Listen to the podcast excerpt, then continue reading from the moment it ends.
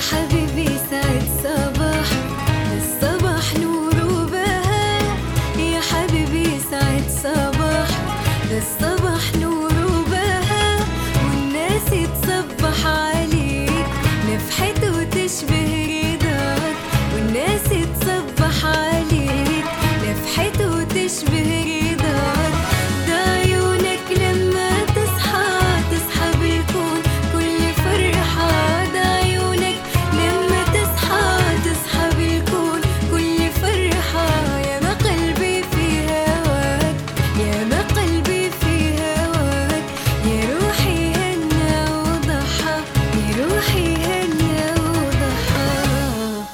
صباح الخير يا عدن.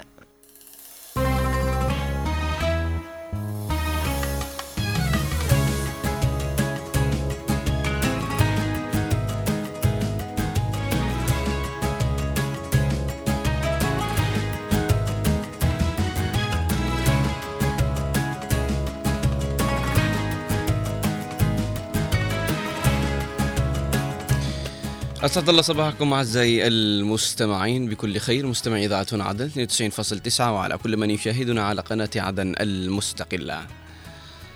اليأس هو أن تقول لنفسك أنا لي أن أموت.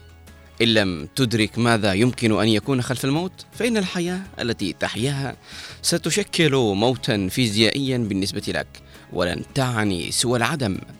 نحن نحيا بقدر ما نفكر بالنتيجة المرجوة بعد الموت.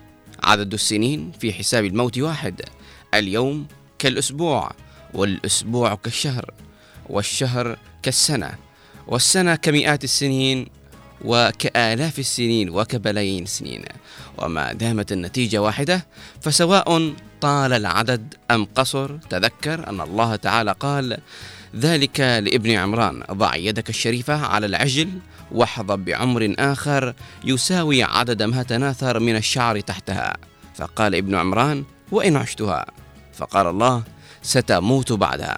فقال الآن أريد وأنتم عليكم أن تعلموا من أجل أو تعملوا من أجل وجهة واحدة وكأن ما تقومون به هو آخر عمل في حياتكم.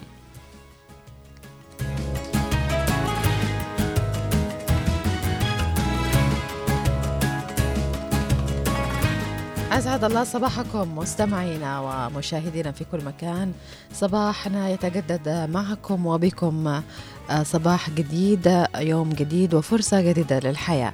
نصبح عليكم نتمنى لكم يوم جميل بإذن الله تعالى. طبعا آه، زي ما أول حاجة بصبح على غيث صباح الخير عليك يا أماني. صباح الخير لنوار المدني وأحمد محفوظ. صباح الخير لغسان. صباح الخير لكل المتواجدين معنا في آه، قطاع الإذاعة والتلفزيون الآن. وكمان صباح الخير لزملائنا القادمين بباص العمل آه، إلى آه، قطاع الإذاعة والتلفزيون. يومكم سعيد نتمنى لكم التوفيق. أيضا صباح الخير لربات المنازل اللي صحوا آه، العمال والطلاب وال أيضا كل اللي بيخرجوا الآن لعملهم سواء كانوا آه، شرطة أو مرور أو آه، مرابطين في النقاط فصباحكم خير وفل وورد وياسمين. إن شاء الله صباحك كمان أماني جميل بإذن الله وصباح الخير على كل من يسمعنا ويشاهدنا سواء من داخل الوطن أو من خارج الوطن. وصباح الخير على زملاء المتواجدين هنا في القطاع والقادمين إلى القطاع. وصباح الخير على ربات البيوت زي ما قلتي ورجال الأمن ورجال المرور ومهندسين النظافة وكذلك جنود البواسل المرابطين في الجبهات. نصب عليهم ونتمنى لهم البركة والعافية والرضا. بإذن الله. أنت قلت في مقدمة في مقدمتك الصباحية كلام زي الفل. حبيت صراحة. هو- ولذلك أنا حابة ن- ن- نستنبط أو الرسالة. تعقبي على كلامه. لا نستنبط مم. الرسالة الإيجابية من من خلال أيوة. رسالتك الصباحية. إن ال- الرسالة بالنهاية هو إنه لا يهم كم تعيش أو كم تخلد في هذه الأرض مم. سواء كانت سنة أو سنتين أو سبعين أو مئة حتى بلايين لكن إنما بالعمل الذي تقوم به يعني في ناس يعني أفضل مننا لربما مم. أنهم بسنة واحدة يسووا آه، أشياء عجزنا أن نسوي بها ونقوم بها لمدة 40 سنة فما دامت النتيجة المرجوة آه، وحساب الموت واحد كذا ولا كذا أنت ميت فاحنا نتمنى إنه يكون دائما نقول اللهم اجعل لنا الموت راحة من كل شر فعلا فدائما إنه نحاول قدر الإمكان طالما إحنا عايشين على هذه البسيطة وطالما إحنا نتنفس وكل يوم نمر بيوم جديد نحاول إن يوم بحياتنا أو كل يوم يمر بحياتنا نصنع فيه شيء واحد بس حلو أو. نصنع فيه شيء آه، مميز أو آه، حاجة كويسة تفيدنا وتنفعنا سواء لدنيانا أو لآخرتنا. يعني في بعضهم تجزع أيام تجزع أسابيع وهم لا استفادوا ولا أفادوا. فعلا. يعني. فعلا وأنت قلت إنه لا يأس مع الحياة ولا حياة مع اليأس مم. أيضا. هذه رسالة إنه لازم آه إنه الحياة ما تستمرش إذا الواحد آه يعني يأس. هي بتستمر بتستمر. ولكنها ما بتستمرش بنفس الوتيرة اللي انت حابب إن الحياة تستمر فيها.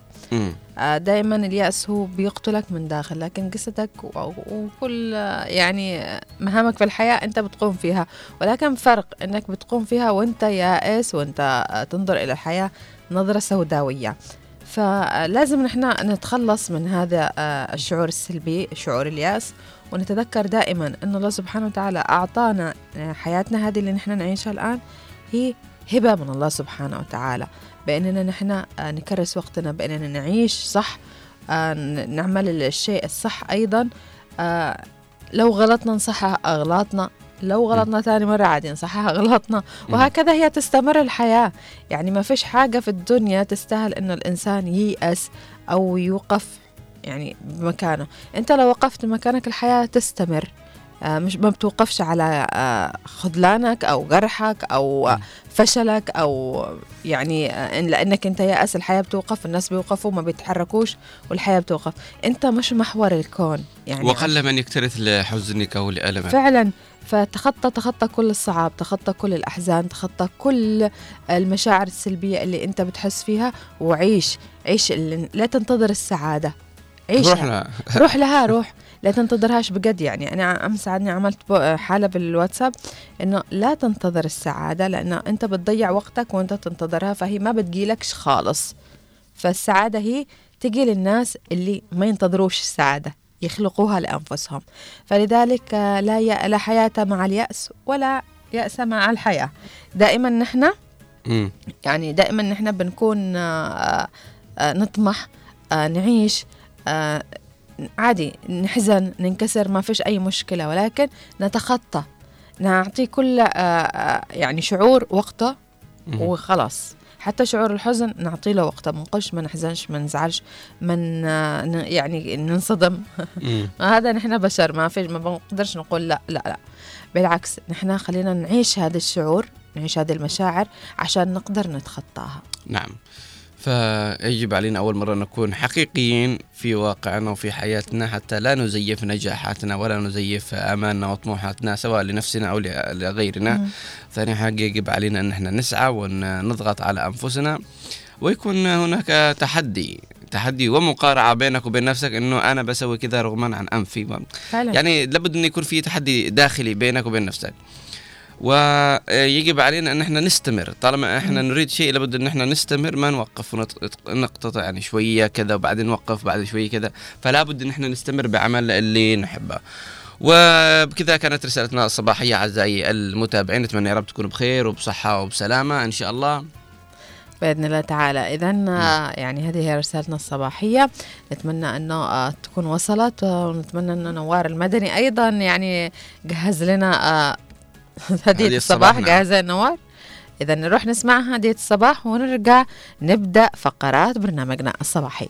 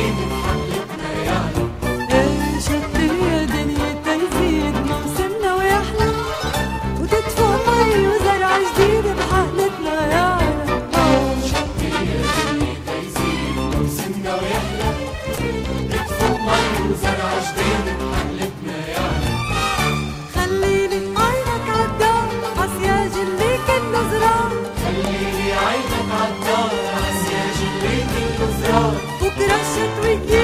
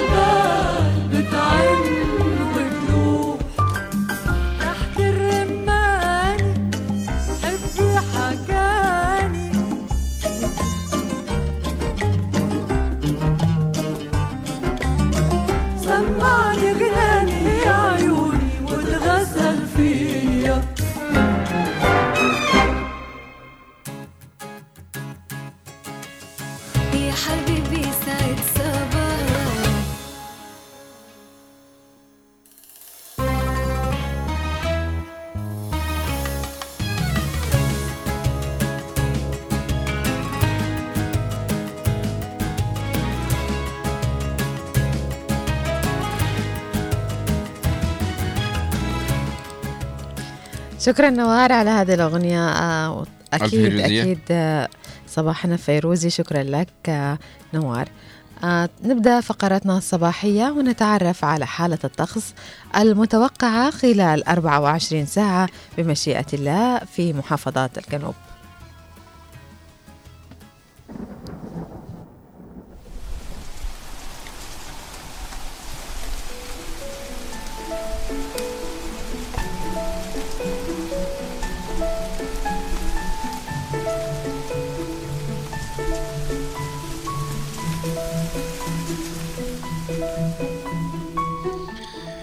وإلى حالة الطقس المتوقع خلال ال 24 الساعة القادمة بمشيئة الله ونبدأ من لاحج في لحج صباحا هناك غيوم متفرقة درجة الحرارة تبدأ ب 26 درجة مئوية ثم ترتفع ظهرا وعصرا إلى 32 مع غيوم متفرقة كذلك. أما مساء وليلا سيكون الطقس غالبا صافي ودرجة الحرارة تتراوح وتتفاوت ما بين 27 إلى 25 درجة مئوية. نذهب إلى محافظة أبين ونتعرف على حالة الطقس هناك صباحا وظهرا وعصرا. هناك غيوم متفرقة في الأجواء درجات الحرارة تتفاوت ففي الصباح 27 درجة مئوية ترتفع ظهرا وعصرا إلى 30 درجة مئوية مساء الأجواء غالبا صافية وأيضا ليلا غالبا صافي ودرجة الحرارة تبدأ بالانخفاض مساء وتصل إلى درجة حرارة 28 درجة مئوية آه، تستمر بالانخفاض ليلا وتصل إلى 26 درجة مئوية. وانتقالا إلى شبوة شبوة صباحا وظهرا وعصرا ومساء وكذلك ليلا سيكون الطقس غالبا صافي إلى صافي. صباحا درجة الحرارة تبدأ ب 20 درجة مئوية ثم ترتفع ظهرا وعصرا إلى 26 ثم تنخفض مساء إلى 22 وليلا سيكون الطقس صافي ودرجة الحرارة تستقر ب 17 درجة مئوية.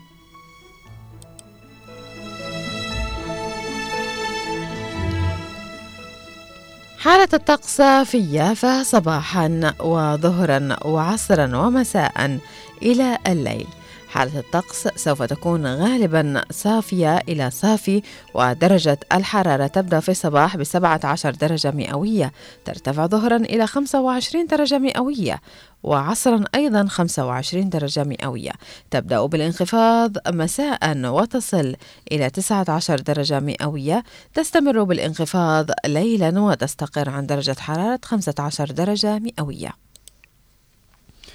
وانتقالا إلى جزيرة سقطرى وتحديدا حديبو. نبدأ آه، بالصباح. والصباح هناك غيوم متفرقة ودرجة الحرارة تبدأ ب 23 درجة مئوية ثم ترتفع ظهرا إلى 35 مع طقس غائم جزئي. كذلك عصرا سيكون الطقس غائم جزئي ودرجة الحرارة 24 أما مساء وليلا ستكون هناك غيوم متفرقة ودرجة الحرارة ما بين 22 إلى 21 درجة مئوية. دعونا نذهب بكم إلى حضرموت ونتعرف على حالة الطقس هناك صباحا وظهرا وعصرا ومساء. الأجواء سوف تكون غالبا صافية وتبدأ الحرارة في الصباح ب 24 درجة مئوية.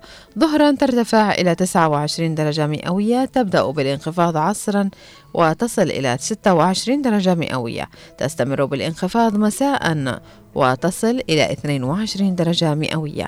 ليلا هناك غيوم متفرقة في الأجواء ودرجة الحرارة تنخفض وتصل وتستقر عند 21 درجة مئوية.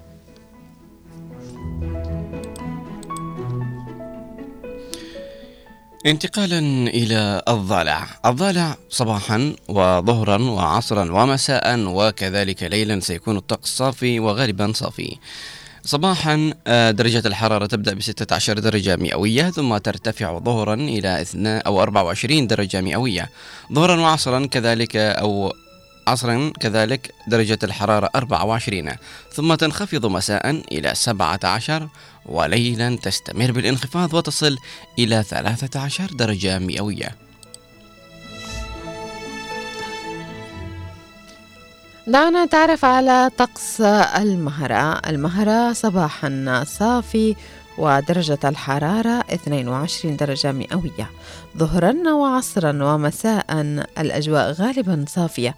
درجة الحرارة في الظهر والعصر ترتفع إلى 29 درجة مئوية. تبدأ بالانخفاض إلى 25 درجة مئوية مساء. ليلا هناك غيوم متفرقة في الأجواء. درجة الحرارة تنخفض وتستقر عن درجة حرارة 20 درجة مئوية. وأخيرا وليس أخيرا ننتقل إلى عاصمتنا الحبيبة عدن نتعرف عن الطقس والأجواء فيها لهذا اليوم. عدن صباحا وظهرا وعصرا وكذلك مساء سيكون هناك غيوم متفرقة. صباحا درجة الحرارة تبدأ ب 27 درجة مئوية، ترتفع ظهرا وعصرا إلى 28. ومساء درجة الحرارة تنخفض إلى 27 وليلا سيكون الطقس غالبا صافي ودرجة الحرارة 26 درجة مئوية ماذا عن الرطوبة في عدن؟ الرطوبة في عدن آه، صباحا 64% ظهرا 61% عصرا 63% ومساء 68% وليلا 71% الطقس في عدن آه، لن يتغير أو لم يتغير ولكن في الضالع ويافع يافع. كذلك. درجة الحرارة منخفضة يافع تصل إلى 15 ليلا والضالع إلى 13 ربنا يعينهم على البرد. ولكن الأجواء غالبا صافية. كانت بالأمس وقبل أيام كانوا هناك غيوم متفرقة في الأجواء على غالب أو أغلب المحافظات الجنوبية. ولكن نحن على الآن في عدن سوف يكون اليوم هناك غيوم متفرقة في الأجواء فلذلك انبسطوا واستمتعوا بهذا الجو الجميل. إذا أعزائي المتابعين بعد أن أنهينا فقرة آه، الطقس دعونا نذهب إلى في مثل هذا اليوم وماذا حدث في مثل هذا اليوم؟ من أحداث ومن ولد ومن توفى وما هي المناسبات لهذا اليوم في فقرة مثل هذا اليوم؟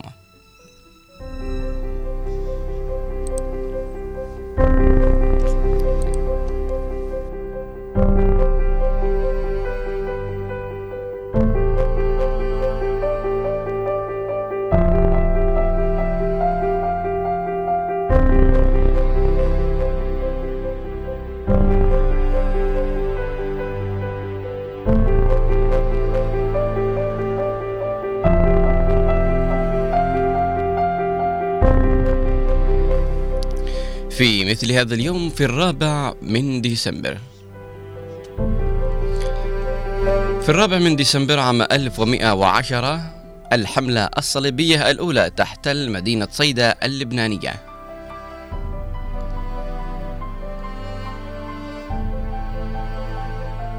في الرابع من ديسمبر 1858 للميلاد. الإنجليز يخلعون بهادر شاه الثاني آخر حكام بني تيمور في الهند عن عرشه وينفونه خارج البلاد.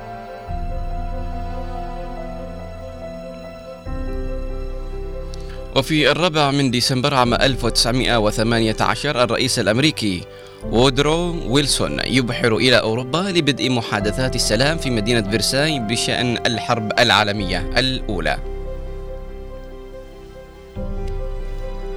في الرابع من ديسمبر 1952 للميلاد الجمعية العامة للأمم المتحدة تنظر في علاقة تونس بفرنسا.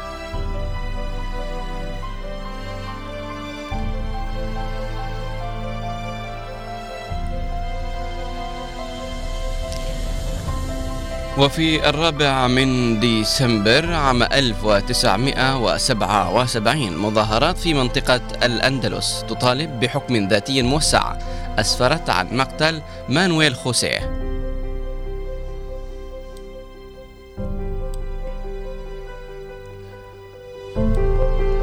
في الرابع من ديسمبر 1983 للميلاد الولايات المتحدة تقصف المواقع السورية في لبنان.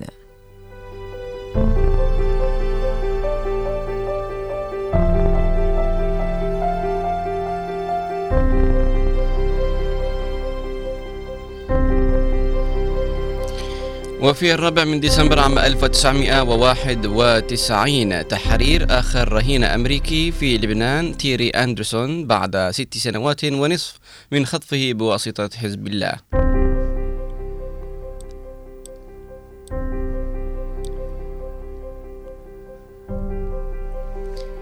في الرابع من ديسمبر 1990 الاتحاد السوفيتي يسمح بالملكية الخاصة لأول مرة.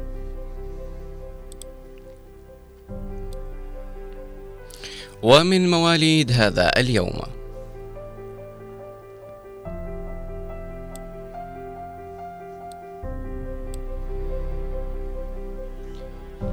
في الرابع من ديسمبر 1889 للميلاد ولد عبد الحميد بن باديس مؤسس الجمعية العلماء المسلمين الجزائريين.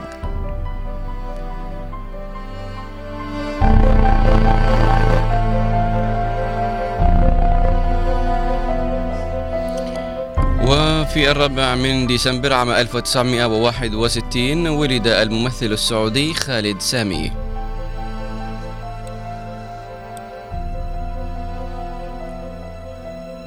في الرابع من ديسمبر 1975 للميلاد ولد الممثل المصري محمد رجب.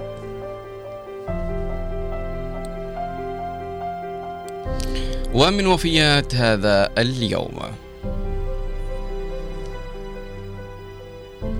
ومن وفيات هذا اليوم في آه، الرابع من ديسمبر عام 749 توفي القديس المسيحي يوحنا الدمشقي.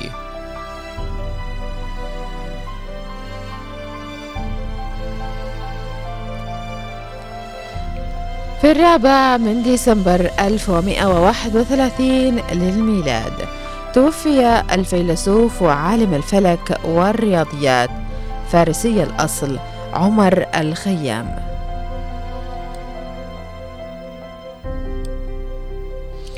وفي مثل هذا اليوم عام 2006 توفي الشاعر والكاتب السوري عبد الكريم حسين سعود. ومن الأعياد والمناسبات لمثل هذا اليوم.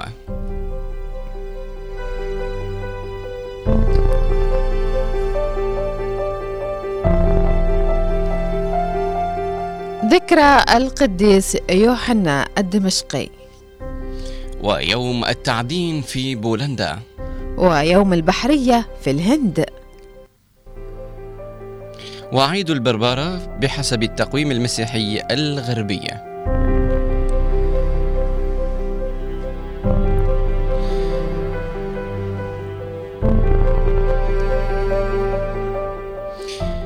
أعتقد من أهم الأحداث التي قرأناها اليوم. بدأنا فيها هي معاهدة فيرساي بإنشاء الحرب العالمية الأولى التي كانت هدفها أنه عندما ألمانيا حاولت تحتل العالم وسببت المشاكل وقعت محادثة فيرساي على أنه آه، ألمانيا تدفع ضرائب للتحالف أو. دول المحور فلوس بسبب الأضرار التي خلفتها.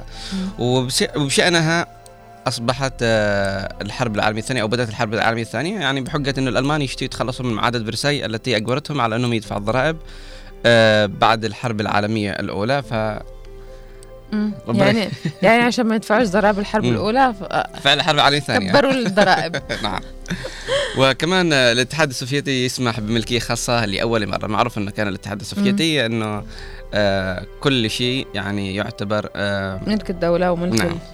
فنتمنى أن الأحداث هذه يعني نالت آه، أعطتكم كده معلومات آه، جديدة. جديدة. نعم. آه أيوه. وكلنا تع... يعني تعرفنا على معلومات جديدة واللي حابب إنه يتعرف أكثر على الأحداث اللي حدثت في في مثل هذا اليوم يدخل على الصفحة ويعرف مع التفاصيل. نعم. طبعا مستمعينا الأعزاء يعني بما إنه نحن آه، تعرفنا على ماذا حدث في مثل هذا اليوم دعونا نتعرف ماذا حدث في في اليوم وفي الأمس أيضا في فقرة حلو الأخبار.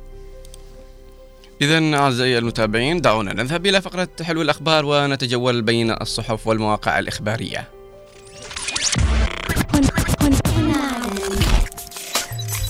هنا عدن اف ام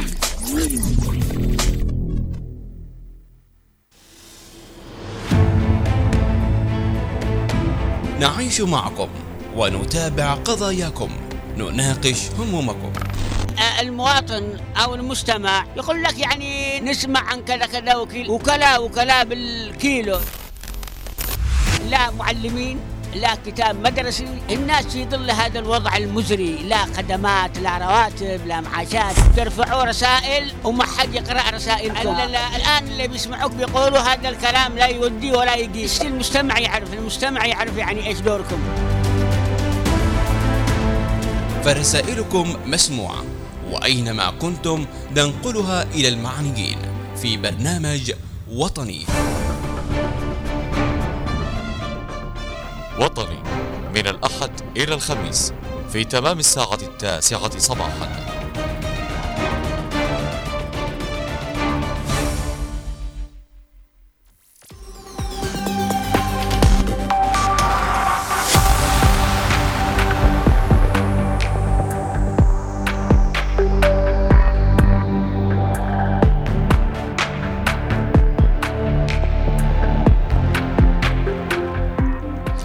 أهلا وسهلا بكم أعزائي المتابعين اينما كنتم إلى فقرة حلو الأخبار التي نأخذ بعض الأخبار الإيجابية من عدة صحف ومواقع إلكترونية.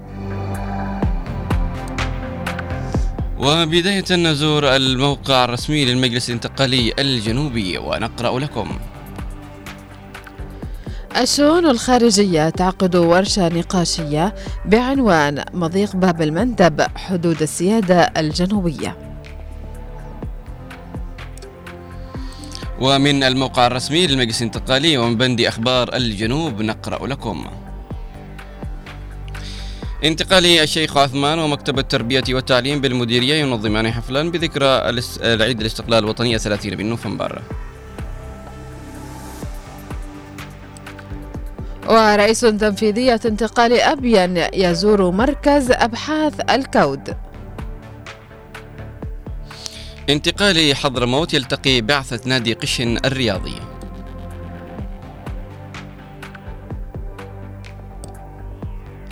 وانتقال التواهي ينظم محاضرة توعوية عن مخاطر المخدرات في ثانوية محيرز للبنات. انتقالا إلى موقع وصحيفة 4 مايو وفيه نقرأ.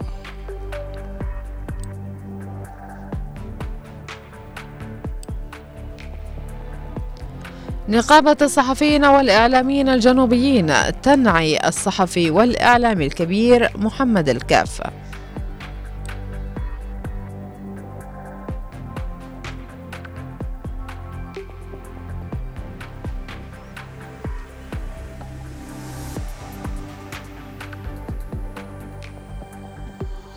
وانتقالا إلى موقع وصحيفة عدن تايم وفيه نقرأ من بند أخبار عدن.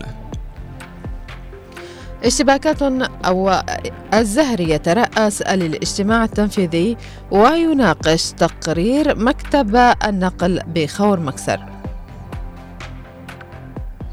في اجتماع ناقش أنظمة البصمة والرقم الوطني توجيهات من محافظ عدن حول آلية مشروع البطاقة الذكية وضبط الهوية.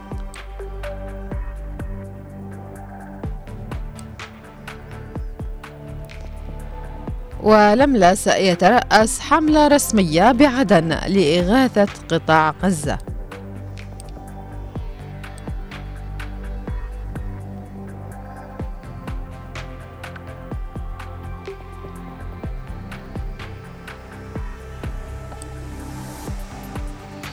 ومن عدن تايم ومن بند أخبار المحافظات نقرأ لكم.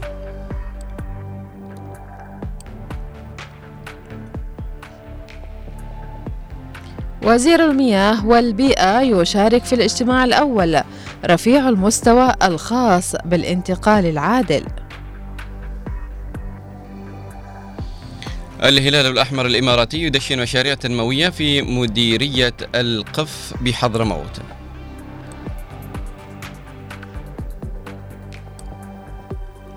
والمكلا ضبط عصابة متخصصة في سرقة الدراجات النارية.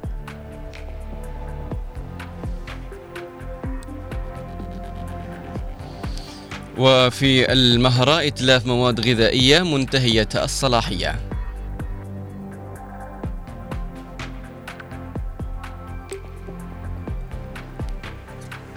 لحج الاطلاع على مستشفى ابن خلدون والمعهد الصحي وأمنيات بمواصلة الدعم.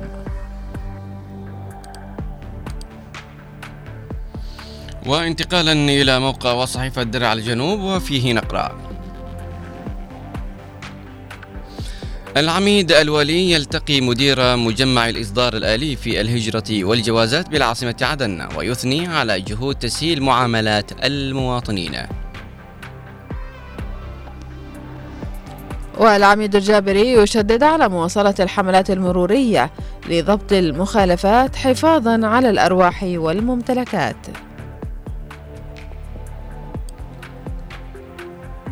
إلى هنا أعزائي المتابعين أينما كنتم نكون أنهينا فقرة حلو الأخبار وتجولنا في بعض الصحف والمواقع الإخبارية وتعرفنا على جديد الأخبار آه، فيها في الداخل الجنوبي ونتمنى يا رب أنه تكون أخبار إيجابية كثيرة وحلو أنه كمان ال- الاطلاع على مستشفى ابن خلدون معهد صحي وتزويد بعض المعدات. نتمنى يستمر الدعم وكذلك يوصل الدعم إلى آه، أبين الجميلة حتى ينالوا بعض مستحقاتهم في الجانب الصحي الذي لطالما آه، آه، ناشدوا ال- الحكومة بهذا الأمر.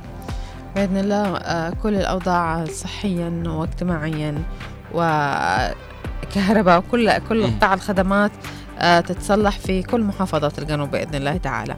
طبعا فقرتنا فقرة حلو الأخبار استكملناها. دعونا نذهب لفقرتنا التالية. نعم.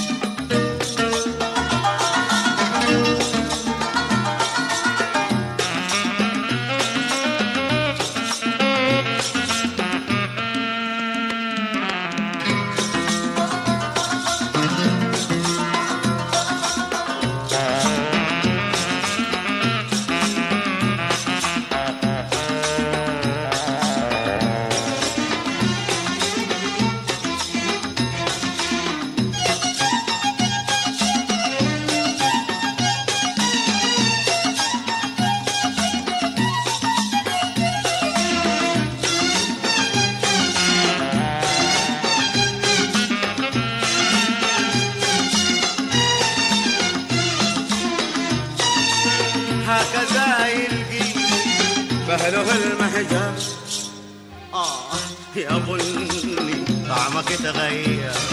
هكذا يلقي بهله المهجر آه يا بني طعمك تغير. إلي يا فعي أشوف بالزعتر ما كسبك إلا هيل وبزار. كان الزمن غدار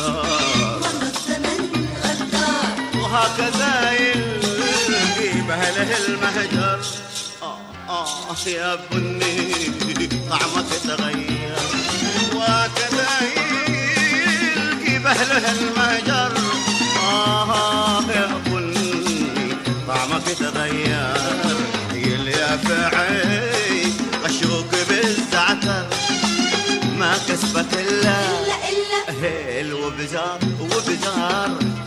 الزمن غدار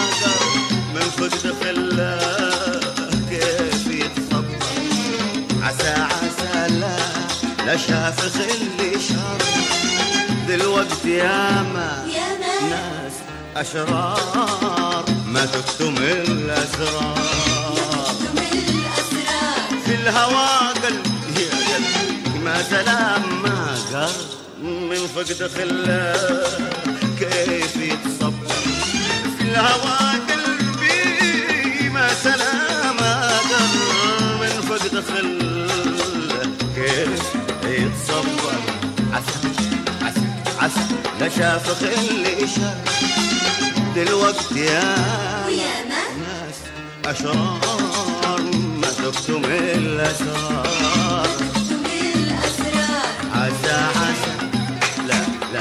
شاف خلي شر. دلوقتي يا ما ناس أشرار. ما تكتم الأسرار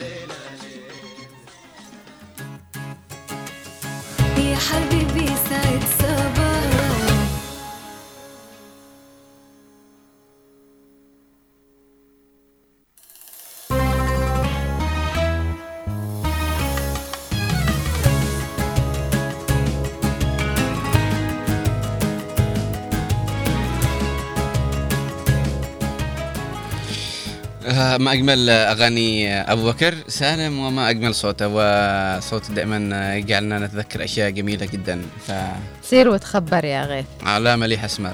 شفت كيف ما حد غنى بال- على البياض ابدا؟ خالص. طبعا طبعا أعزائي المتابعين أينما كنتم دعونا نذهب إلى فقرة بريد اليوم ومعنا من بريد اليوم زميلنا الرائع أسامة جريدان من وادي حضرموت. نقول صباح الخير. يا صباح الخير عليك يا زميلي غيث وصباح الخير على زميلتي أماني. وصباح عليكم السعادة صباح السعادة عليك أسامة وأتمنى لك يوم جميل بإذن الله. نشي اليوم نحن أنا وغيث نسير ونتخبر في حضرموت. أيوه. إيش الأخبار؟ إيش أخبار حضرموت؟ أخبار الطقس؟ كيف عندكم الأجواء؟ وأيضا آه، إذا هناك يعني منجزات وإنجازات حدثت آه، خلال هذا الأسبوع. نعم آه، زميلتي أماني طبعا اللي يتخبر على حضرموت دائما يلاقي فيه الراحة لأن حضرموت آه،. آه، كمية مشاعر ومخزون ثقافي فعلاً. واجتماعي يعني غني عن التعريف والتاريخ شاهد على ذلك. نعم. آه، طبعا. الله يحفظك. دائما في أجواءنا الصباحية في وادي حضرموت وبالتحديد مدينة سيبون وفي الأوان الأخيرة بدأت اشتداد البرودة آه، وخصوصا في الصباح الباكر وأيضا آه، بداية آه، منتصف الليل. كل هذه الأجواء مما حتمت على أبناء وادي حضرموت ممارسة العادات والتقاليد والطقوس في هذا الشتاء البارد وخصوصا اللبس الشتوي الذي قد يعني يحمينا ويقينا من اشتداد هذه البرودة. لا سمح الله إذا كانت هناك يعني أضرار سلبية مثل آه، نزلات آه، البرد. اللهم السلامة آه، للجميع. كل هذه الأجواء دائما نعيشها في وادي حضرموت. وما زلت أنا الآن يعني في هذا الشتاء البارد متكمل بالملابس الشتوية. وبحكم أن البارد عندنا الجو البارد في وادي حضرموت جدا حار آه، يختلف عن باقي المحافظات. بحكم أنه الوادي زي ما قلنا الوادي يتمتع بالاشجار دائما والنخيل التي هي تعطي انعكاس أيضا كثير جدا آه، من خلال تزايد حدة آه، البرودة في وادي حضرموت. نعم. آه، نتمنى لكم إن شاء الله يكون البرد برد وسلام عليكم بإذن الله تعالى بعيدا عن الأمراض بإذن الله. آه، أسامة هل هناك مستجدات حدثت خلال هذا الأسبوع؟ نعم آه، كثير هناك المستجدات ولعلنا نطرق أبرزها هو انه احتفالات شعبنا آه، الجنوبي بعيد الاستقلال الثلاثين من نوفمبر هذه العيد الوطنية المجيدة آه الذي كان آخر استعمار جندي بريطاني خرج من العاصمة عدن. آه هذه هي الذكرى التي تعتبر ثمينة جدا يحتفل بها أبناء آه الجنوب بكافة المحافظات وكان لوادي حضرموت آه النصيب من هذه الاحتفالات. خرجت العديد من الاحتفالات وأيضا الألعاب الشعبية. هناك مهرجانات آه وخطابات آه فنية وكرنفالية وأيضا هناك آه إقامة آه ألعاب الرياضة والدوريات للأندية والفرق الشعبية في وادي حضرموت.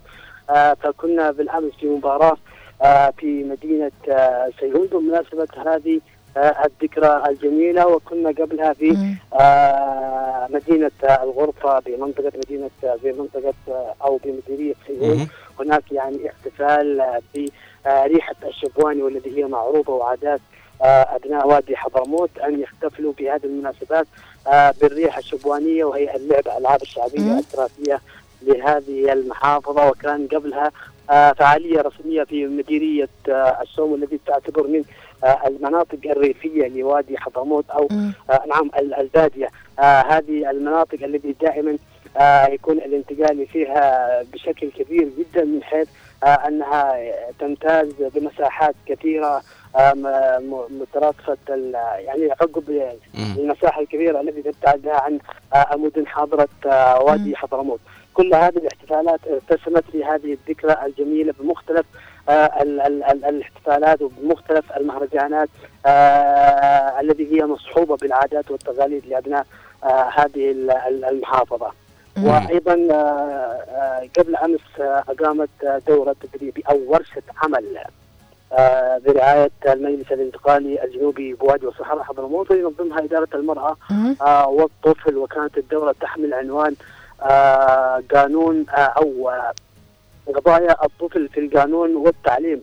وكلنا نعرف أن هذه المرحلة آه هي آه مرحلة صعبة جدا في ظل آه، الظروف الصعبة وأيضا في ظل غياب الدولة والجهات الأمنية. ولا ننسى أن هناك عادات دخيلة على مجتمعنا الحضرمي من النازعين أو من ما يسمى بالمحافظات الشمالية. وكل هذه الثقافه هي من جعلت اليوم الطفل آه، يبدأ أو نقول يعني يتخذ مسار الانحراف عن التعليم وأيضا عن عادات المجتمع من خلال آه، أيضا تعلمه لثقافات آه، دخيليه على المجتمع مثلها مثل ثقافة انتشار المخدرات وأيضا آه، ثقافة التخريب في المجال التعليمي بالإضافة إلى أنه هناك العادات التي الآن في وادي حضرموت بالتحديد مدينة سيئون بدأت تطغو مسارها وتأخذ حيزها السلبي في آه، الطفولة. ولذلك أقامت هذه آه، الورشة العمل لتجعل ولو آه، بالشيء البسيط من الحلول الجذرية التي تمكن اليوم من الحق في الطفل وحمايته وأيضا إعطاء الطفل آه، ال- ال- ال- الحق في التعليم وأيضا جميل. في ممارسة آه، مهامه بشكل جيد جدا في أمن وأمان في المجتمع. وأيضا كان هناك دور كبير أيضا لمشاركة بعض آه، الأسر في تنمية هذه في تنمية هذا الطفل في ظل هذا المجتمع وفي ظل غياب آه، الدولة. يعني الأسبوع الماضي تقريبا حافل كان حافل جداً. بالاحداث والفعاليات آه، الجميلة وما زالت آه، مستمرة وكان يوم الأمس يعني احتفال باليوم العالمي والعربي للمعاق الذي هي تعتبر هذه الفئة مهمة جدا طالما يعني آه، جزء كبير جدا من المجتمع أو نقول أنها آه، أصبحت هي نفسها في المجتمع مشاركة. اليوم آه، نلاقي من خلال أمس الاحتفال آه، المبدعين واصحاب المهارات وأيضا القدرات. آه، يعني جميل جدا أنه ذوي الإعاقة أو ذوي الاحتياجات الخاصة اننا نكتشف أن لديهم أشياء ربما الإنسان الصاحي والذي يمتلك كل مقومات أساسياته صحيح. آه، جسديا وعقليا لا يبتكر هذه آه، الابداعات. فسبحان الله أنه كان جميل جدا آه، المشاركة في آه، الاحتفال هذا اللي باليوم العالمي حتى يعطي آه، للمعاق الاطمئنان والأمن والأمان أنه هو عنصر من أحد آه، المجتمع، كل هذه الاحتفالات آه، لقت آه، إشادة واسعة جدا من قبل اهالي ذوي الاحتياجات وكان للسلطة المحلية بوادي حضرموت والمجلس الانتقالي. آه، الجنوب الجنوبي بالوادي حضور واسع ومشاركة هذه الفئة وهناك أيضا قدمت خلال هذا الاحتفال وكأنه مزاد علني آه، الكثير من الدعم من قبل بعض الشخصيات الاجتماعية والقبلية وأيضا من قبل السلطة ومن قبل التجار بوادي حضرموت لمساعدة آه، ذوي الاحتياجات الخاصة في رعايتهم وتطويرهم في الم- في ال- في ال- في المناهج التعليمية سواء كان آه، المدارس الصفوف أو حتى أدوات التعليم الذي آه، تسهل عليهم آه، تلقي التعليم وخصوصا في ظل تطور الأوضاع آه، التكنولوجية في الوقت الحالي. نعم نتمنى التوفيق آه، والنجاح ونتمنى مزيد من التقدم والازدهار في حضرموت في كل في كل القطاعات إن شاء الله. شكرا شكرا لك زميلي أسامة. الله يحفظك. شكرا غير في أمان الله ونتمنى سعيد. لك نهار سعيد إن شاء الله.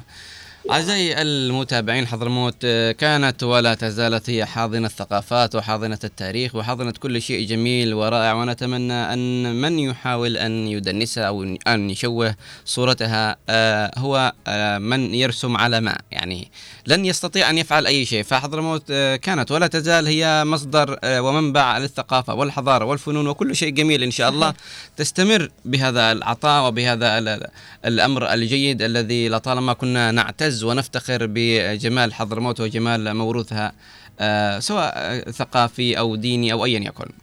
فعلا حضرموت يعني لا غبار عليها ويعني شهادتنا فيها مجروحة أكيد.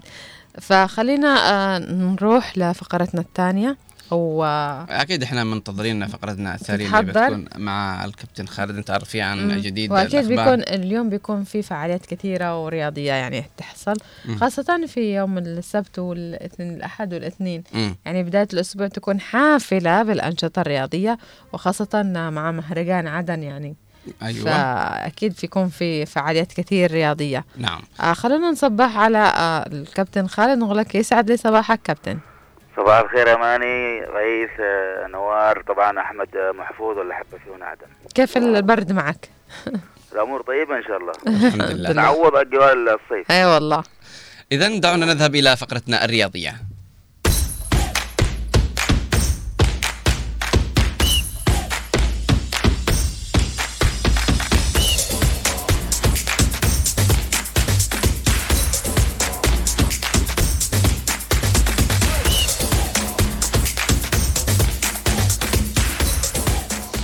عودة لكم مستمعينا ومشاهدينا الكرام أينما كنتم إلى فقرتنا الرياضية التي دائما وأبدا مع الكابتن خالد. كابتن خالد دعنا اليوم نبدأ بمساحة الوفاء.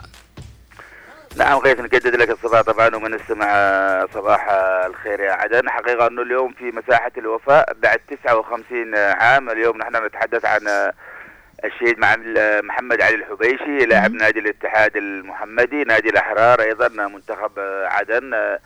اسم آه، حقيقة ب- بقى خالد في قلوب كل الناس باعتبار أنه ملعب الشهيد الحبيشي غيث يحمل اسمه باعتبار أنه هو جزء من تضحيات الرياضيين في مسار التضحيات التي قدمت آه، في رحاب الجنوب. طبعا أيام المستعمر البريطاني كان توفى طبعا ما بعد ثورة أكتوبر بعام تقريبا في 4 ديسمبر 1964 وبالتالي نتحدث أيضا عن قدرة حقيقة عدن انها تحتفظ بال بالتضحيات آه، الجنوب بصورة عامة. اليوم آه، هذا الاسم الذي كان آه، قدم صورة جميلة للتضحية باعتبار إنه حتى طريقة الوفاة كانت فيها شيء من التضحية باعتبار أنه كان هناك حافلة وفيها أطفال وما شابه. لكن بالأخير إحنا نتذكر اسم رياضي منح نفسه طبعا الخلود في قلوب الرياضيين باعتبار أنه منحة تسمية كل يوم نتذكرها كل يوم. نحن نذهب إلى ملعب الحبيشي نتذكر أكيد هذا الاسم محمد علي الحبيشي اسم جميل آه، مر من خارطة الرياضة الجنوبية وتحديدا من مدينة كريتر الجميلة حيث. ملعب الحبيشي.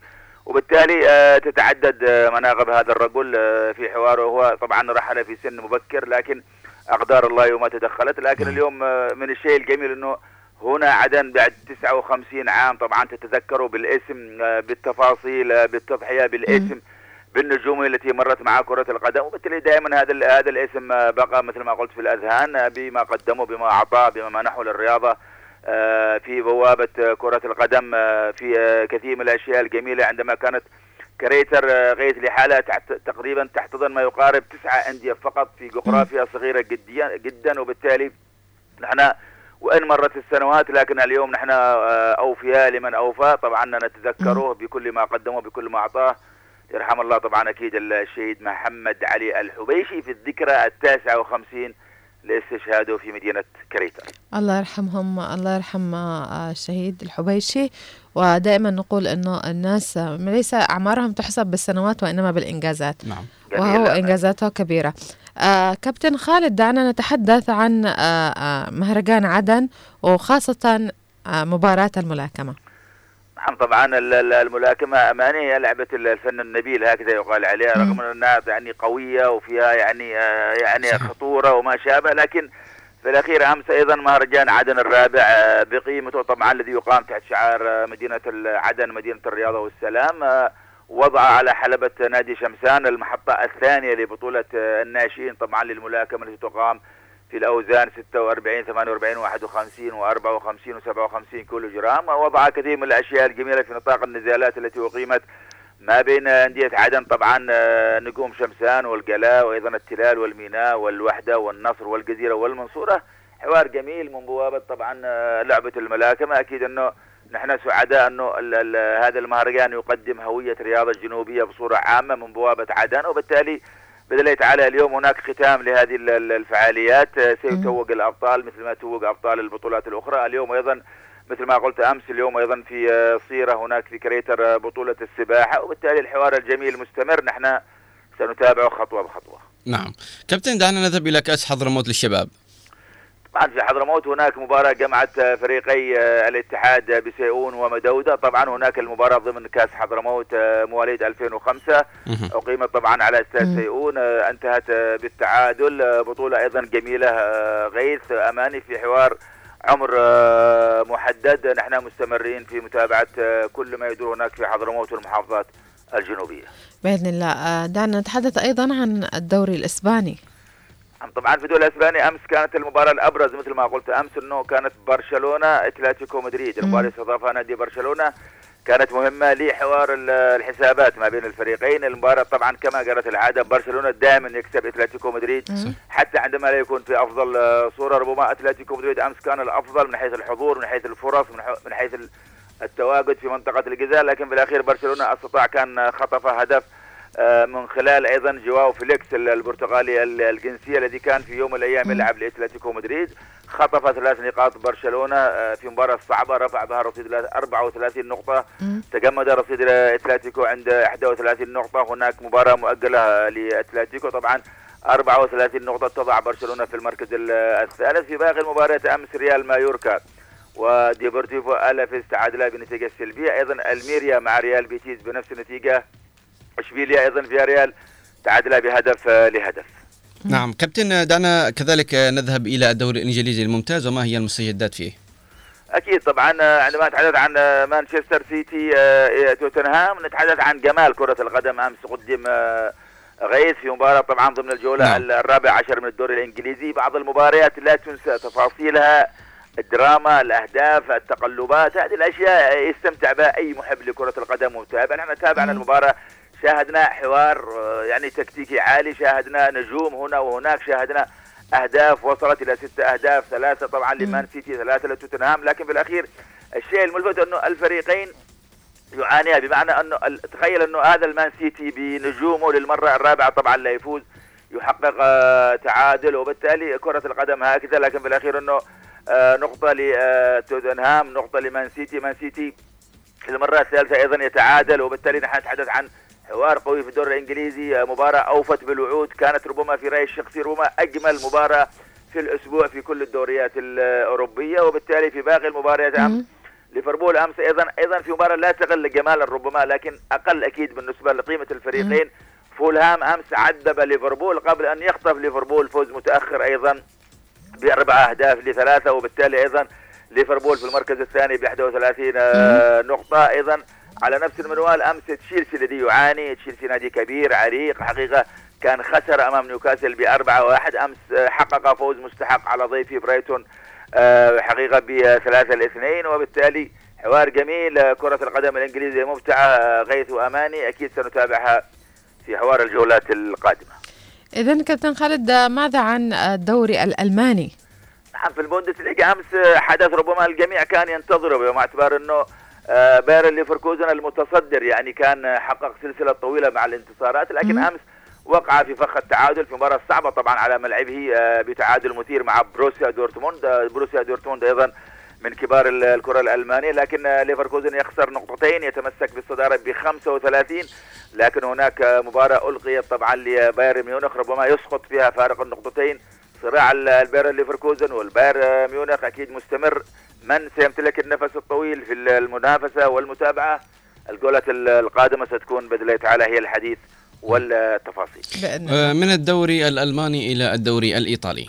نعم في إيطاليا أيضا ما زالت قوة الشخصية هي قوة فريق بايرن أو بالمعنى إنتر ميلان. إنتر ميلان آه، كان تعثر في الجولة الماضية لكنه أمس آه، تعافى واستعاد نغمه الانتصارات آه، طبعا في الدوري الإيطالي بعد أن حقق فوز كبير في آه، ملعب طبعا نابولي ملعب ديجو أرماندو مارادونا آه، طبعا مساء الاحد في الجولة الرابعة عشر آه، من الدوري الإيطالي. طبعا ثلاثة أهداف تعتبر نتيجة قاسية على نابولي المتوج بالدوري الإيطالي في الموسم الماضي. في الأخير إنتر ميلان يتمسك ويستعيد الصدارة التي كانت ذهبت إلى اليوفنتوس الذي فاز أمس الأول وبالتالي كل شيء جميل أيضا في الدوري الإيطالي. نحن سنتابعه في الأيام ال- ال- القادمة. طبعا آه، الإنتر ب 35 نقطة. حوار كرة الإيطالية جميل ممتع.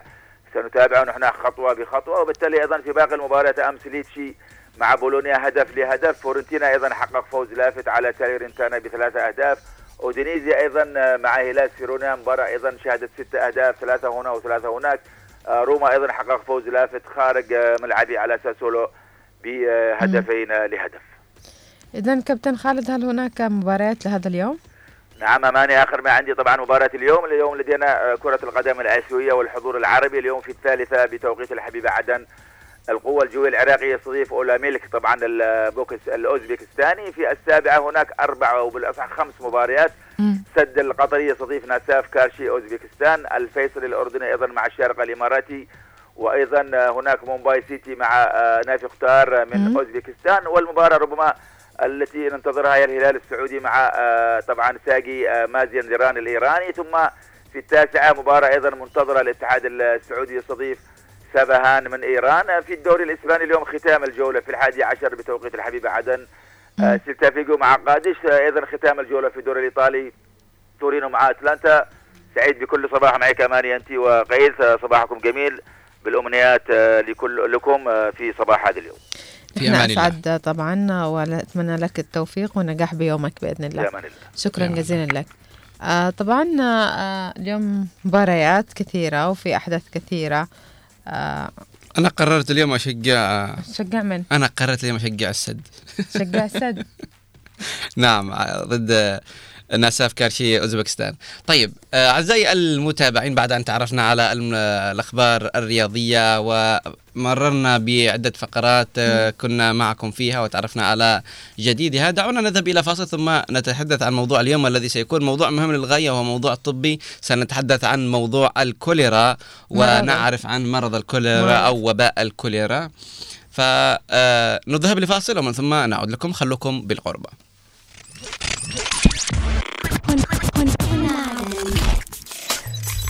هنا عدن اف ام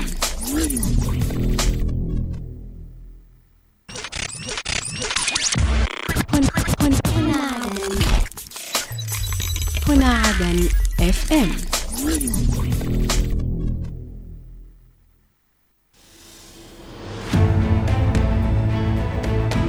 نعيش معكم ونتابع قضاياكم.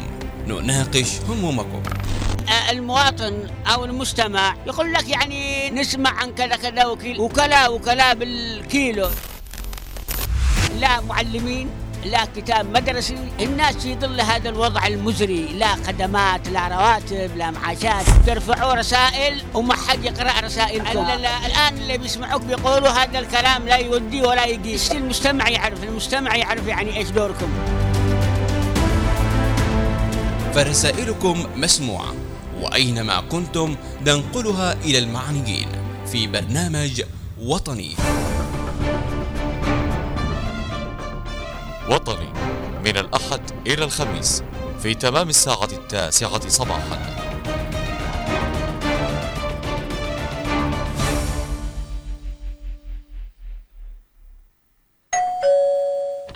هي السلام عليكم. يا أهلا وسهلا. يا لوما ولا تسألي. فينك؟ فين الغيبة؟ ولا حد عاد يشوفك. فين اختفيتي علينا؟ والسخرة قسارة على عاب يابا لا تدوخ بيش ما بتخرجش. اسكت. ما بتخرجش ولا بتروح مكان. وانت محروم من العواف ولا ذاك المرزوع داخل البيت؟ راقد 24 ساعة لا ليل وليل ولا نهار نهار. اسمعي لي الآن بسألك سؤال. أربعة في ستة كم؟ يا ربي على حوشة. إيش بطبخ اليوم أني. في كل بيت موضوع وفي كل بيت مشكلة.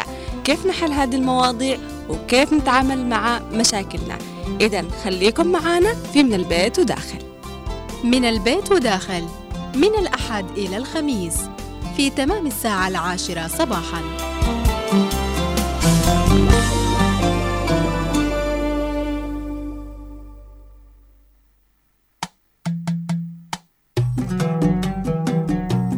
جولة عبر الأثير فسحة أثيرية في ساعة من الزمن. نسافر بكم فيها عبر أثير إذاعة هنا عدن. جولة عبر الأثير مساحة سياحية ثقافية واجتماعية. ما علينا يا حبيبي ما علينا. وأعز الناس وأقربهم يا باهي سيبوا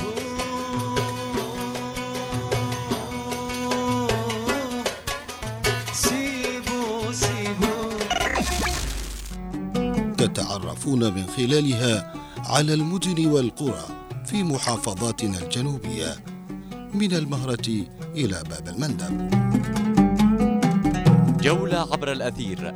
يأتيكم من السبت حتى الأربعاء في تمام الساعة الواحدة ظهرا.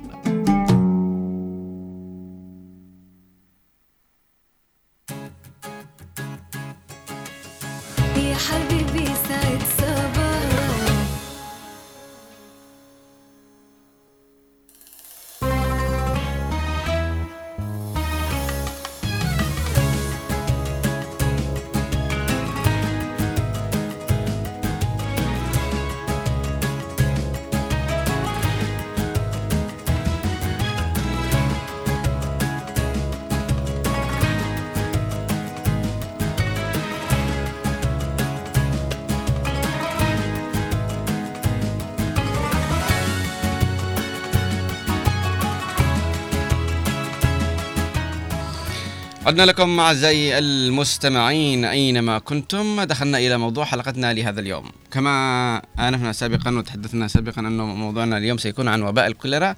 فخلينا أماني كذا نتكلم عن الكوليرا حبتين. طبعا الكوليرا أو وباءه كان يعتبر وما زال يعتبر وباء لأنه ينتشر بسرعة. وخاصة في لما يكون عدم نظافة وانتشار قاذورات وإلى آخره فينتشر الكوليرا الكوليرا آه، بالنهاية هو مرض بكتيري عادة ما ينتشر عن طريق الماء الملوث أو المياه الراكدة. تتسبب الكوليرا في الإصابة بإسهال وجفاف شديد. إذا لم يتم علاجها فإنه من الممكن أن تكون قاتلة خلال ساعات حتى لدى الأشخاص الذين كانوا أصحاء سابقا. مم. يعني الكوليرا يستنزف كل السوائل الذي في جسمك حتى يجعلك يعني تموت. فبعضهم يموتوا من الكوليرا لأنه خلاص. يصير عندهم جفاف شديد. أنا في 2012 أصبت بمرض الكوليرا ف أنت أصبت؟ إيش؟ كان يعني شعورك؟ كنت زي ال- الرقعة خلاص. أكيد أنا لما أنا كمان أنا شفت ناس يعني أصيبوا في هذا المرض وشفتهم قدام عيني يعني. فمش طبيعي يعني مش طبيعي. أيوه. تحس إنه في شلالات أيوه أيوه تخرج. كنت كنت زي المنشفه فعلا فعلا. ليش؟ لأنه كل شفت هذه الكمية السوائل اللي تخرج وعلى طول على طول على طول. توقف الكلى توقف الكبد أكيد يعني. يعني انها ت- تعمل لك مشاكل كثيرة وسبب جفاف في جسمك. مم. فأكيد إنها ت- تود- توصلك لمرحلة الوفاة مم. فنتمنى السلامة إن شاء الله آه، ال- الآن هذا الوباء منتشر في آه، مدينة عدن. فنتمنى أنه يعني يعملوا كل احتياطاتهم فكان الناس كان الناس كمان هو بدا انتشار بأفريقيا وكنا نلاحظ إن الناس في أفريقيا تموت. تموت ومدري إيش وإلى آخره. بعدين انعرف بكل مكان وانتشر. فقد يجهل البعض ويجهل الكثيرين عن إنه كيف نعالج أبنائنا إذا أصيب بهذا المرض. أحيانا العلاج لا يكون مكلف ابدا. أنا أذكر أمي الله يحفظها كنا كنت لما مرضت بالكوليرا كان ما فيش أي حاجة ينفع معي. كنت أعطش لدرجة كبيرة جدا. ولما أجي أشرب خلاص أتقيأ. فكانت أمي تسوي آه كوب فيه ماء وتفعل فيه قليل سكر وتشربني على قليل قليل. فهذا آه، يساعد على إنه آه، زيادة السكريات في الجسم وأقدر إني ما يعني ما اتقيأش. الماء لأني كنت أشرب أي ماء عادي أتقيأ إلا هذا كمان في شيء محلول اسمه يسمى محلول إيروا أو محلول إمهاء. بسيط وغير مكلف كذا زي الكيس آه، حطه داخل دبامي وتش- أيوة. وتشرب أيوة. وهذا ال- ال- المحلول كل الناس عارفينه لأنه يعني الناس خلاص عندهم ثقافة أصبحت أيوة. بسبب ال- ال- الأوبئة اللي انتشرت ومعايشتهم لهذه الأمراض. فإيش أعراض ال ال هذا المرض؟ شوف الكوليرا يعني مش أي واحد مصاب بالكوليرا أو آه، من الإسهال أيوه. إنهم- يرجع أيوه. إنه كوليرا. فلا يمرضوا إنه اللي مصابين فيه ولا يعرفون إنهم أصيبوا بالعدوى. فبعضهم مش عارف إنه أصيب بالعدوى من الأساس. ولكن بالنظر لحقيقة إن البكتيريا الكوليرا توجد في آه، برازم لفترة تراوح من 7 إلى 16 آه، أو 14 يوم. فبإمكانهم نقل العدوى للآخرين عن طريق المياه الملوثة. ومعروف إنه لما نتكلم عن مياه ملوثة وبراز ومجاري إذا شفنا طفح مجاري إذا يجب علينا أن نحذر ونبتعد قد نصاب بهذه الأمراض فيعني نتمنى أو نطالب بداية يعني نطالب إنه المجاري اللي تطفح في الشوارع هنا عندنا في عدن يتم علاجها ويتم ترميمها ويتم التخلص منها حتى لا صحيح. نصاب بأمراض وحتى لا يعني لا نوصل لمرحلة لا يحمد عقباها طيب والآن كمان نحن ممكن نتعرض لأمطار أو مهم. وتكون تكون هناك مياه راكدة في الشوارع فلازم خاصة الط- الطرق اللي هي غير مزفلتة وتم يعني ف- قشع حقها حتى. الآن حتى المزفلتة والله يعني تراكم فنحن نقول آه، يعني خلوا بالكم ودائما كونوا عندكم الحيطة والحذر خاصة لل- للأماكن يعني اللي مختصة بشفط المياه هذه. فإنهم يكونوا متواجدين فيها في هذه الأماكن ويشفطوا هذه المياه. المشكلة مش بشفط المياه المشكلة إنهم مش معالجين يفعلوا مشاريع زي الناس. مم. مشاريع تحصيل حاصل. طيب نروح للأعراض أعراض الكوليرا. الكوليرا آه تبدأ أول مرة بالإسهال إنه يحدث إسهال الناتج عن الكوليرا فجأة. كذا فجأة ما تحس إلا إن فيك بدأ في الإسهال. مم. وقد يسبب فقدان كثير جدا للسوائل. وقد يصل لربع جالون يعني كم؟ واحد لتر من جسمك. في واو. ساعة واحدة في الساعة الواحدة تخسر آه، لتر واحد من المياه في جسمك. وعادة ما يبدو الإسهال الناتج عن الكوليرا باهتا. وحلبيا ويشبه آه، مياه الأرز. يعني أنه ما يبان أنه كأنه إسهال. يعني آه، شكله أنه زي مياه الأرز. عندما تغسل الأرز يكون نفس ال- الشكل. باهت. طيب هنا يعني تعرف إنه أوكي أنا مصاب بالكوليرا يا جماعة يلا ركزوا. فلا بد إنك تأخذ الاحترازات. طيب الغثيان والقيء. يحدث القيء في المراحل الأولى من الكوليرا ويمكن أن يدوم لساعات.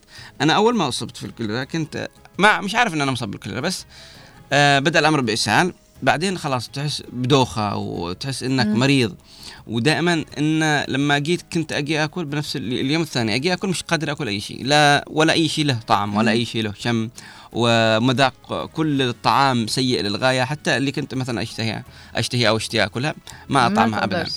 فهذا الغثيان والقي يحدث في مراحل الأولى من الكوليرا يمكن أن يدوم لساعات يعني تظل واصل أنا لدرجة كان طلع لي عضلات بالمعدة من كثر من كثر ما أنت أي تضيع. قسم بالله يعني بشكل رهيب. آه، حتى إنه بعد المرض جلست أعاني من الالم إنه أيوه اعضاء. عضة أيوه طيب إضافة إلى ال- الإسهال والغثيان والقيء معنا الجفاف اللي هو معروف يحدث الجفاف بعد ساعات بسبب من ظهور أعراض الكوليرا. أول ما يعني تصاب بالأسهال والقيء اليوم الثاني تحس كأنك ناشف كذا من ال- ال- ان السوائل اللي خرجت. وراحت منك. يعني تخيل بالساعة الواحدة مثلا تجلس مثلا مريض أو تتقيا واسهال وطرش. فأنت خلاص تخس- تخسر السوائل فيشحب وجهك ويشحب جسمك. فأكيد تفقد سوائل كثيرة وهذا ما يؤدي إلى يتغير شكلك. واحيانا الواحد يفقد 10% من وزنه. لما اللي من اللي يعانوا بجفاف حاد. يعني آه ال- هذا ال- أكيد الق- القي والإسهال والغثيان اللي سبب الق- القي أكيد بسبب جفاف في الجسم لأنه يقول لك آه، و- لتر. لتر واحد بالساعة لتر متخيل؟ واحد بالساعة. فتخيل إنك أنت يعني بعد يوم يومين كم لترات أنت خسرت وأنت كل ما تشرب مي تطلعه. كل ما تأكل شيء أيوه اي أي حاجة تأتي لك أو تشربيها أو تأكليها طوال إنك آه، يعني خلاص تطلعيها و يسموها عندي تقيعي طيب عشان نتكلم بهذا الموضوع بشكل أوضح أو نعرف معلومات لربما لأول مرة سنسمعها أو ايا يكن دعونا نستضيف اليوم الدكتورة آه، رجاء آه، مسعد مديرة مستشفى صداقة. نقول يا صباح الخير. صباح الخير. صباح, صباح العافية والسرور إن شاء الله. شكرا لك دكتورة رجاء على إنك آه، ضيفتنا اليوم. نشتي أو بالأصح نريد أن نتحدث عن الكوليرا. نعرف إنه في ناس كثير جدا دكتورة رجاء يجهلوا مرض الكوليرا يعني يقولوا ابني في اسهال عادي مش مشكلة ابني آه، في بطرش ما فيش أي حاجة. لكن إحنا نشتي نوعيهم نوريهم إنه أوكي أول ما تشوفوا ابنكم كذا لابد إنكم تتأكدوا هل هو كوليرا أو مرض عادي. فبداية عرفينا أو حدثينا عن الكوليرا كنظرة عامة. بالنسبة لمرض الكوليرا آه، هو مرض آه، بكتيري آه، يسبب جفاف للمريض. بسبب الطرش. آه، مستمر وبسبب الإسهال اللي هو المائي. الإسهال المائي اللي هو آه، عدم السيطرة على ال- الإسهال آه، المضاعفات اللي تحصل بسبب ال- الكوليرا هو الج- الجفاف الشديد وهبوط آه، آه، بوظائف الكلى. آه، ال- الحالات ال- اللي تحصل الفترة هذه يعني هي مش أول جائحة. كانت قبل في 2017 آه، في جائحة. صحيح. بالكوليرا. وتم السيطرة عليها آه،. في آه، في آه، في مستشفى الجمهورية. وفي صداقة أيضا. أيوه الآن وفي مستشفى الصداقة آه، الآن الجائحة تختلف تماما.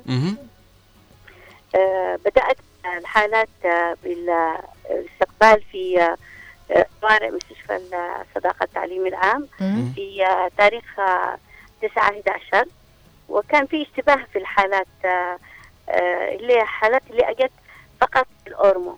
الحالات ال- الأورمو المرحلين آه، اللي داخلين الحدود آه، اليمنية. هم اللي هم اللي كانوا فيهم هم اللي أصابوا أصيبوا في ال- كوليرا. آه، بالك- بالكوليرا ال- في البداية في البداية. مم. فتم التأكد من الأعراض اللي عندهم هم إن فعلا آه، كوليرا مش آه، آه، يعني التهابات أو مرض في المعدة. أها ألو؟ تم التأكد آه، من الحالة. من تقريبا من من تاريخ 9 11 مهم. آه، إلى اليوم هذا تم استقبال 125 حالة. في مستشفى الصداقه. وهذا عدد كبير. كان في الأول كنا خايفين إنه ال آه، آه، الشبكة الشبكة الشبكة تتقطع. الشبكة دكتورة تتقطع كذا شوية طيب آه، آه، عدد الحالات اللي استقبلها مستشفى الصداقة كم قلتي لي دكتورة؟ الآن حوالي 125 حالة 125 حالة يعني. خلال ه- خلال هذا الشهر أو آه خلا من 9 11 مم. إلى اليوم ده.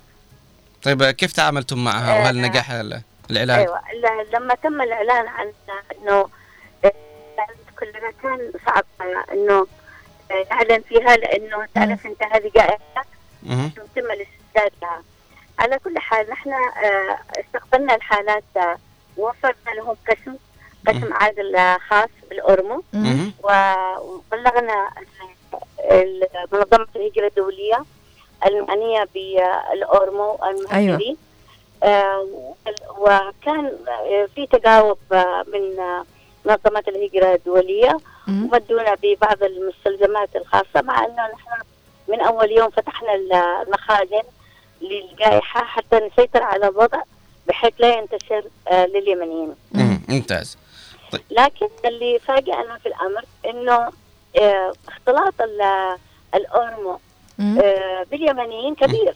أيوه. ما- أيوة فعلا. يعني الأورمو مش آه، ناس آه، معزولين عن آه، آه، آه، آه، بأماكن خاصة فيهم لا هم مختلطين بال- بالشعب المواطنين. ف آه، تم استقبال 52 حالة من اليمنيين. يعني الآن الآن ما عادوش ال- آه، الكوليرا آه، مقتصر فقط على الأورمو. ولكن اليمنيين حتى المو يعني الموجودين داخل عدد المواطنين الع- العاديين إنه انتشر لهم المرض. يعني ليس فقط إنه الأورمو. الآن أصبح المواطنين في داخل آه، عدن والعدنين بشكل آه، خاص أصيبوا بهذه الأمراض. بالضبط. الآن 52 حالة من اليمنيين. في البداية اشتبه آه، فعملنا لهم فحوصات حتى يتم التأكد لأن الكل خايف. آه في فحوصات خاصة لمرضى الكوليرا. كلهم تطلع موجب. إنه آه إنهم عندهم فعلا كوليرا. فالوضع يحتاج إلى يقظة يحتاج إلى تدخل آه، من المنظمات الدولية الداعمة آه، بحيث إنه لا ينتشر المرض لأنه الآن أصبح ما بين الأورمو وما بين اليمنيين. طيب أستاذة يعني مثلا لو المواطنين العاديين اللي هنا في داخل عدن أو العدنيين أصيبوا بمرض مم. الكوليرا يعني ومش عارفين أو مش عارفين ال- ال- الأمور اللي ممكن يسووها أو مش قادرين يوصلوا إلى المستشفى بشكل سريع، إيش اللي ممكن الأشياء اللي ممكن يسووها في البيت على بال ما يوصل المستشفى أو على بال ما يكون عندهم القدرة أو الاستطاعة أنهم يذهبوا إلى المستشفى؟ إيش اللي طيب. ممكن تفضلي. أيوه آه، بالنسبة للتثقيف في وزارة الصحة ومكتب الصحة مهم. والمجمعات والمراكز كل هذه آه، فيها حملات تنزل مم. تعمل عملية ثقافة تثقيف يعني لل- للمواطنين. فأي اشتباه بحالة يرسلوا لما للبيت ويشوفوا إذا كان هذه الحالة أو دكتورة آه ألو. أيوة اسمعك آه، حابة أسأل يعني آه، إذا مثلا حد تعرض لل- للكوليرا في بيتي مثلا قبل ما آه، أوديه للمستشفى أو أنقله للمستشفى كيف ممكن أني أنقذه؟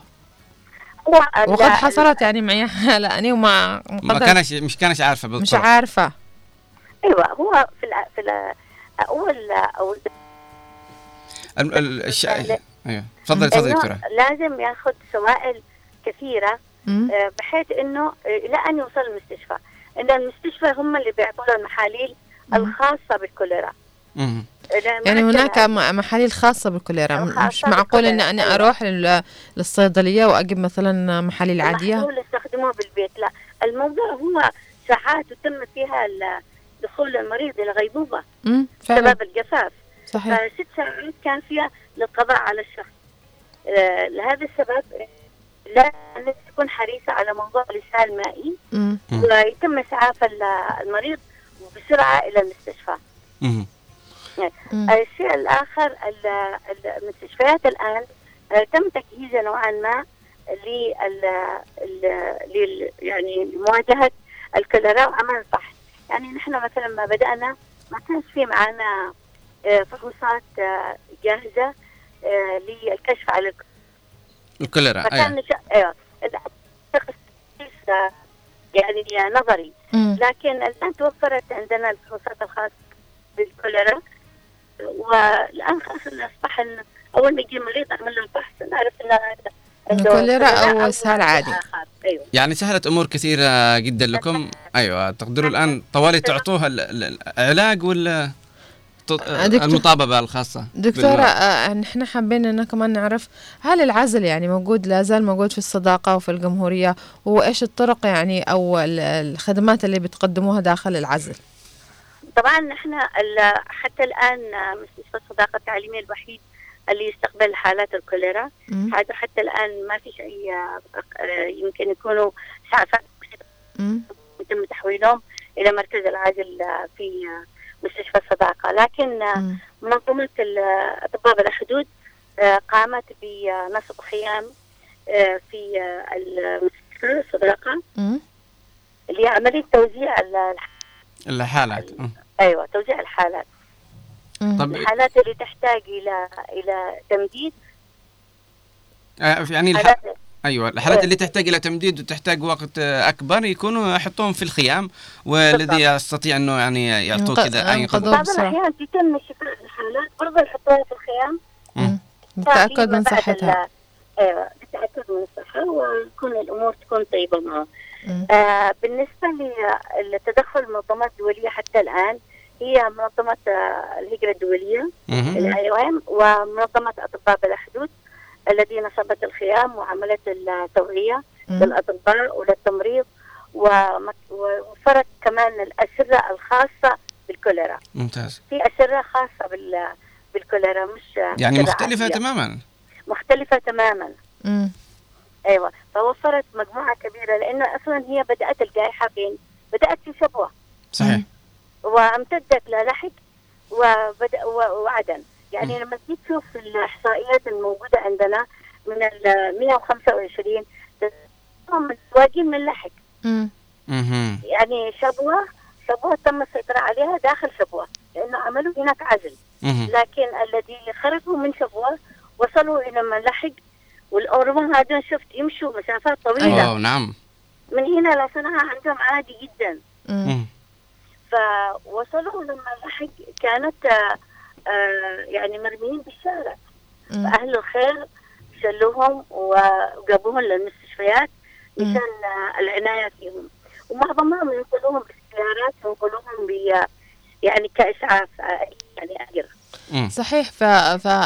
كيف ينتق... ينتقل مرض الكوليرا يعني هل عبر الملامسة أو مش عارفة يعني لما أجي أفكر كيف ينتقل من مش مش عارفة فلو يعني تجيبين عن هذا السؤال طبعا أيوه بالنسبة للكوليرا هو مرض بكتيري مم. ينتقل بسبب عدم الالتزام بالمعايير النظافة ولا. آه، آه، خاصة بعد الخروج من الحمام أو مم. المكتوب أو الأماكن لا توفر فيها ال- الصرف الصحي الصحيح. انت عارفة إنه الآن بسبب العشوائيات كثير كثير من البيوت ما فيها صرف صحي. أيوة معاهم. بيارات قديمة يعني. أيوه. انتشر المرض بسبب هذا الكلام إنه يكون في آه، معايير ال- النظافة مش موجودة. لهذا السبب نحن آه، نزلت لجنة التثقيف من مكتب الصحة و- والوزارة إلى المدارس والأماكن. المكتظة بالسكان زي ما أماكن القات والمطاعم المكتظة بالمواطنين وعملوا لهم التوعية لل- لحد من انتشار أهم شيء آه، تنظيف الأيادي بشكل صحيح. بعد ال- الخروج من الحمام. لأنه بالنهايه البكتيريا يقال إنه المرض يظل في البراد لمدة 14 يوم ويكون حامل مرض الكوليرا مش عارف بهذا الأمر صحيح فغسل. فغسل اليدين جيدا قبل دخول الحمام ويعني بعد الدخول من الحمام وقبل الأكل. هذا يساعد ويقينا من ال- ال- ال- احتمالية إصابتنا بمرض الكوليرا. صحيح. ال- الأعراض قلنا إنه يعني كنا بدأنا نتكلم عن الأعراض إنه يبدأ بإسهال حاد وغثيان وتشنجات. بس ال ال الأمر اللي كنا عرفناه جديد إنه الإنسان يخسر بمرض الكوليرا يعني خلال ساعة واحدة لتر واحد. فالأمر خطير جدا. يعني أنت دكتورة رجاء إذا كان هناك تحذير يعني أو رسالة لل- لل- للمستمعين والمشاهدين بخطر هذا الأمر وكيف أنهم آه، يقوا نفسهم من المرض هذا. لأنه يخسر لترات كبيرة جدا. قد أحيانا يوقف الكلى على الشخص فيموت أو يتعرض آه، لحاجات كبيرة جدا. صحيح. لأنه ال- المرض آه، هي ساعات محدودة أقل من ست ساعات. آه، ينتهي الشخص فيها فيكون في إسهال شديد اللي هو وتري آه، يسموه زي ال- زي القصبة يعني ما أيوة. ما يقدر أيوة. يسيطر أيوة. عليه صحيح. والطرش الطرش مستمر مم. فيحصل الجفاف في أقل من ست ساعات هنا يدخل المرض في حالة الجفاف ال- ال- الس- المزمنة. ومن يدخل في غيبوبة وبعد كده يعني مضاعفات الغيبوبة اللي هي الفشل الكلوي والفشل الكبدي. الآن ال- اللي اللي نحذر منه المواطنين إنه لا يستهين ال- الشخص بالإسهال أو بالطرش المستمر. المفروض إنه لا يستهين لأحد على طول يروح يتأكد من كده. لو تشوف الطوارئ الآن بسبب زحمة فظيعة. مم. لأنه أست- أستاذ عيدي عيدي كلامك أستاذة دكتورة قصدي عيدي كلامك لأنه انقطع ضاع الصوت آه، بالنسبة للتوعية التوعية أن الناس المفروض ما تستهينش بأمر ال- الطرش. المستمر أو بالإسهال المستمر. لابد من معاينة طبيب طبيب طوارئ وهم بيتأكدوا على طول بالفحص. اللي هو فحص الرابد تيست اللي يعملوه آه، بالطوارئ يتأكدوا إذا كان في حالة آه، كوليرا إسهال عادي. الخوف الشديد كمان واحد من الأشياء اللي ترفع اليقظة عند الناس إيه، معاينة الأطباء. ال- الآن أصبح ال-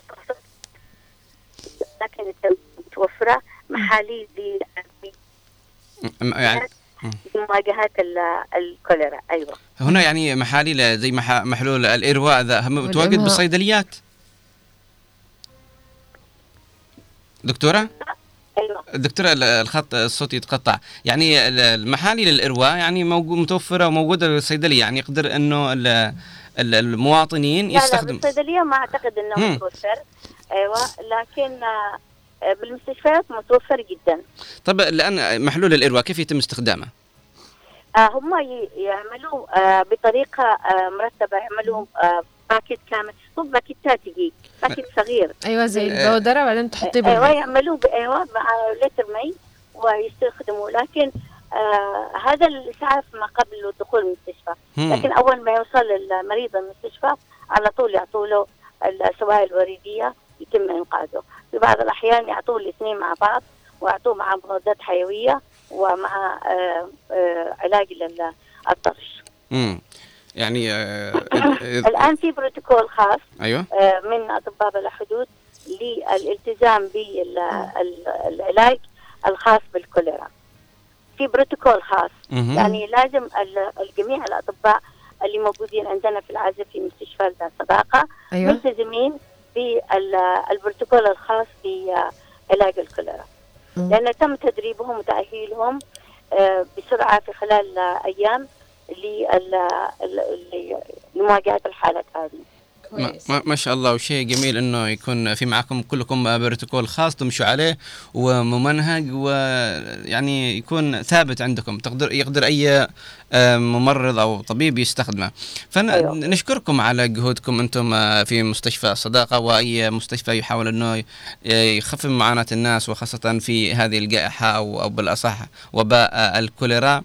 لأنه أحيا ن- أرواح كثير تزهق بسبب صحيح. عدم خبرتهم يعني- وعدم معرفتهم بهذه الأمراض صحيح هو يعني مش معقول آه، وباء يعني حتى الآن حتى الآن الحمد لله ما مم. فيش يمكن ثلاث حالات فقط الذي آه، خسرناها وكانت مم. وصلت من حالات متأخرة جدا يعني أجت وصلت المستشفى في حالة مم. غيبوبة هم من الأورمو لكن إحنا نحب نطمن المواطنين إن ال- الأمور تحت السيطرة وفي يقظة شديدة من وزارة الصحة ومكتب مم. الصحة والمراكز كله في التوعية في أمر التوعية وتوفير الإمكانيات لهم جميعا.